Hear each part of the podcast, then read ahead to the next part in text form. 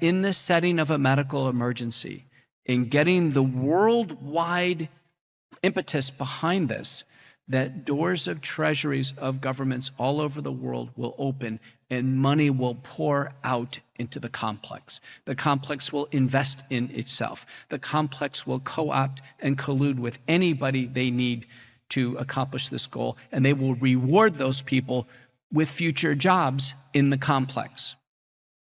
The complex is at the top, we believe, the World Health Organization, the Gates Foundation, the Wellcome Trust, the Rockefeller Foundation, the World Health Organization, UN, Gavi, UNITAID, CEPI, the Coalition for Epidemic Preparedness and Innovation, formed by Gates and World Economic Forum.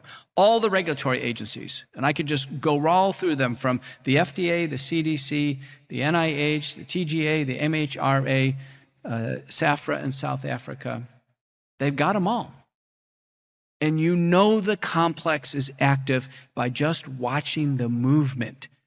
Scott Gottlieb is one of my contemporaries, former FDA commissioner. He's in the complex. He's on the board of Pfizer now. His predecessor, Stephen Hahn, who was very active as I was active in the early parts of the pandemic, now works for the venture capital firm supporting and funding Moderna. Recently, a high ranking uh, official in the UK in the medical response just joined Moderna itself. Deborah Birx, remember her, the scarf lady who's in the. Uh, yes, she's now CEO of a biotech company, you know, from a, being a public health official. You can see what's happening. The complex is operative. Gates Foundation invested just a few million in BioNTech, and they got out billions, millions to billions. Those of you in the room who like money, you would like this. It is a money orgy right now.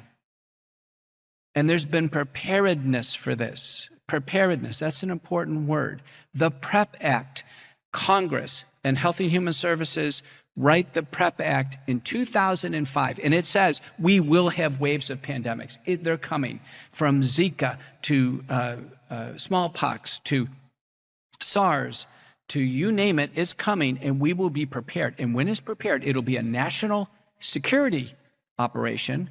It'll be a national emergency, and we will have countermeasures. Countermeasures will be provided, and they will be immune from all forms of liability. That's what the PrEP Act said. That was memorialized in 2005. Now, recently, just a few months ago, Health and Human Services Secretary Becerra just has written the 14th Amendment to the PrEP Act, even further extending the immunity of countermeasures. Countermeasures are basically military operations. So the view was we were going to be attacked by an invader, not a foreign army, but a virus. And we were going to behave like we were attacked by an army. So anything we do militarily in response to this will be a countermeasure. And in the military, they don't, it's not about medical freedom. It's not about freedom of choice. It's not about keeping your business open or closed. It's the military and one will respond. The very interesting thing about this is how the complex orchestrated this worldwide and simultaneously. That was, I think, very, very impressive.